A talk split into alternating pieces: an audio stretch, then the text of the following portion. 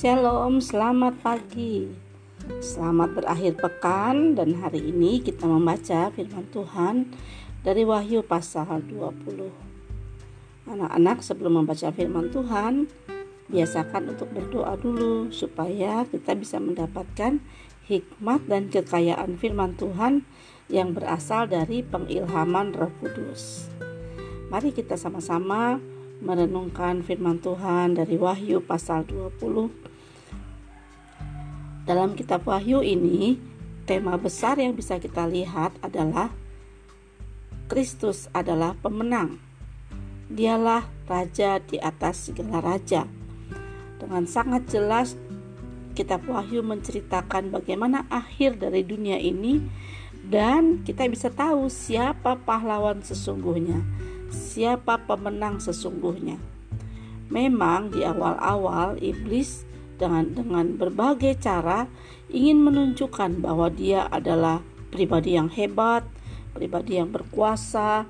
Dia ingin menunjukkan kuasanya bahkan dengan cara-cara yang licik, cara-cara yang palsu, cara-cara yang tidak benar, cara-cara yang uh, menyesatkan.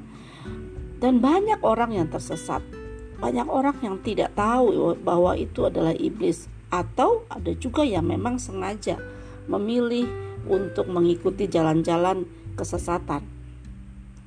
Tetapi ada juga orang-orang yang hidup di dalam Tuhan, yang memegang firman Tuhan, yang tekun sampai pada akhirnya. Orang-orang yang setia mengasihi Tuhan, yang melakukan kebenaran. Dan hari ini kita akan lihat bagaimana nasib atau kondisi akhir dari kedua jenis orang yang memilih pertama untuk mengikut Tuhan dan yang kedua adalah yang memilih untuk mengikut iblis dan para pengikutnya. Di pasal 20 ini anak-anak iblis diceritakan bahwa iblis betul-betul dihukum dia dimasukkan ke dalam sebuah jurang maut lalu dirantai dia seperti naga yang uh, diikat ya. Jadi, jadi tidak bisa ber, punya kuasa lagi. Dan itu bukan sebentar tapi seribu tahun. Wow lama banget. Seribu tahun iblis dan setan itu akan diikat. Dan firman Tuhan juga melihat bahwa Yohanes melihat di tahta itu ada orang-orang yang duduk. Wah, ada orang-orang yang duduk. Ada orang-orang yang duduk di tahta yang menghakimi, yang menjadi raja. Mereka itu adalah orang-orang yang hidupnya sungguh-sungguh mengasihi Tuhan, tidak menyembah binatang itu, dan juga tidak menyembah patungnya, tidak menerima tanda di dahi dan di tangannya. Mereka hidup sebagai raja bersama-sama dengan Kristus untuk masa seribu tahun lamanya. Itu sebabnya Yohanes berkata, berkata, berbahagia dan kuduslah ia yang mendapat bagian dalam kebangkitan pertama.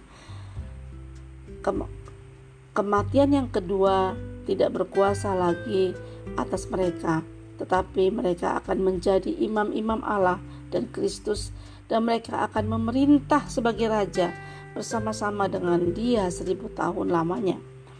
Anak-anak, orang-orang yang mengasihi Tuhan, orang-orang yang sungguh-sungguh dengan Tuhan, orang-orang yang membayar harga untuk mengikut Tuhan, mau men menurunkan ego, mau melepaskan kesenangan, maka firman Tuhan bilang mereka akan mendapat kebangkitan pertama. Akan dibangkitkan. Walaupun nanti mungkin kita sudah mati tapi kita akan dibangkitkan bersama dengan Kristus. Dan kebangkitan yang pertama orang-orang yang mendapat bagian dalam kebangkitan yang pertama itu disebut adalah orang-orang yang berbahagia dan orang-orang yang kudus. Jadi ketika kita mengikut Tuhan itu semua tidak percuma tidak ada yang percuma atau sia-sia.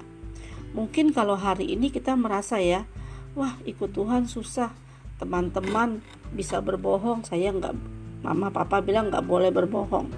Teman-teman enak-enak melakukan dosa ketawa-ketawa saya harus nggak boleh lakukan itu saya sepertinya sepertinya kayak susah ikut Tuhan tapi anak-anak sebenarnya ketika ikut Tuhan kita mendapat kebebasan yang sejati kalau hari ini terasa sulit itu karena kita memang ada dalam dunia yang penuh dengan dosa karena kita berbeda dengan dunia yang orang-orang eh, dengan orang dengan dunia yang penuh dosa, dengan sistem dunia yang penuh dengan kesesatan sehingga kita menjadi orang yang tampak aneh.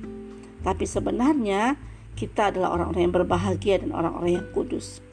Karena kita mendapat bagian dalam kebangkitan yang pertama dan kita akan memerintah bersama-sama dengan Kristus. Anak-anak sekalian tetaplah setia mengasihi Tuhan. Jangan lepaskan kepercayaanmu tetaplah mengikut Tuhan ke mana pun dan apa pun yang Tuhan inginkan. Pada akhirnya kita adalah orang-orang yang berbahagia, orang-orang yang kudus, orang-orang yang menikmati kebangkitan yang pertama. Kita pasti dibangkitkan untuk memerintah. Ada juga nanti ada orang kebangkitan kedua, orang-orang yang dibangkitkan juga, tapi dia dibangkitkan untuk dihukum. Nah, mau pilih yang mana? Dibangkitkan untuk memerintah bersama Kristus atau dibangkitkan untuk menerima hukuman. Hmm, pasti anak-anak mau yang pertama ya, karena itu tetaplah setia. Semangat pagi, selamat berakhir pekan, Tuhan Yesus memberkati.